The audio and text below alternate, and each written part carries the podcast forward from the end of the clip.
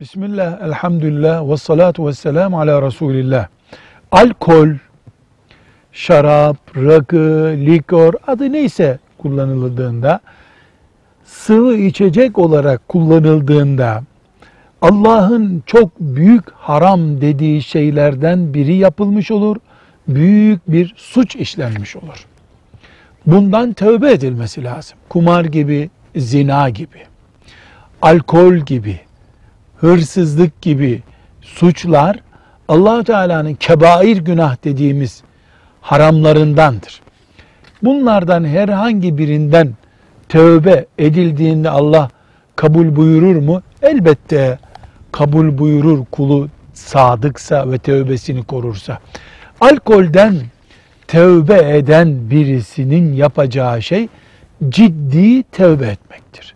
Tövbesi nedir?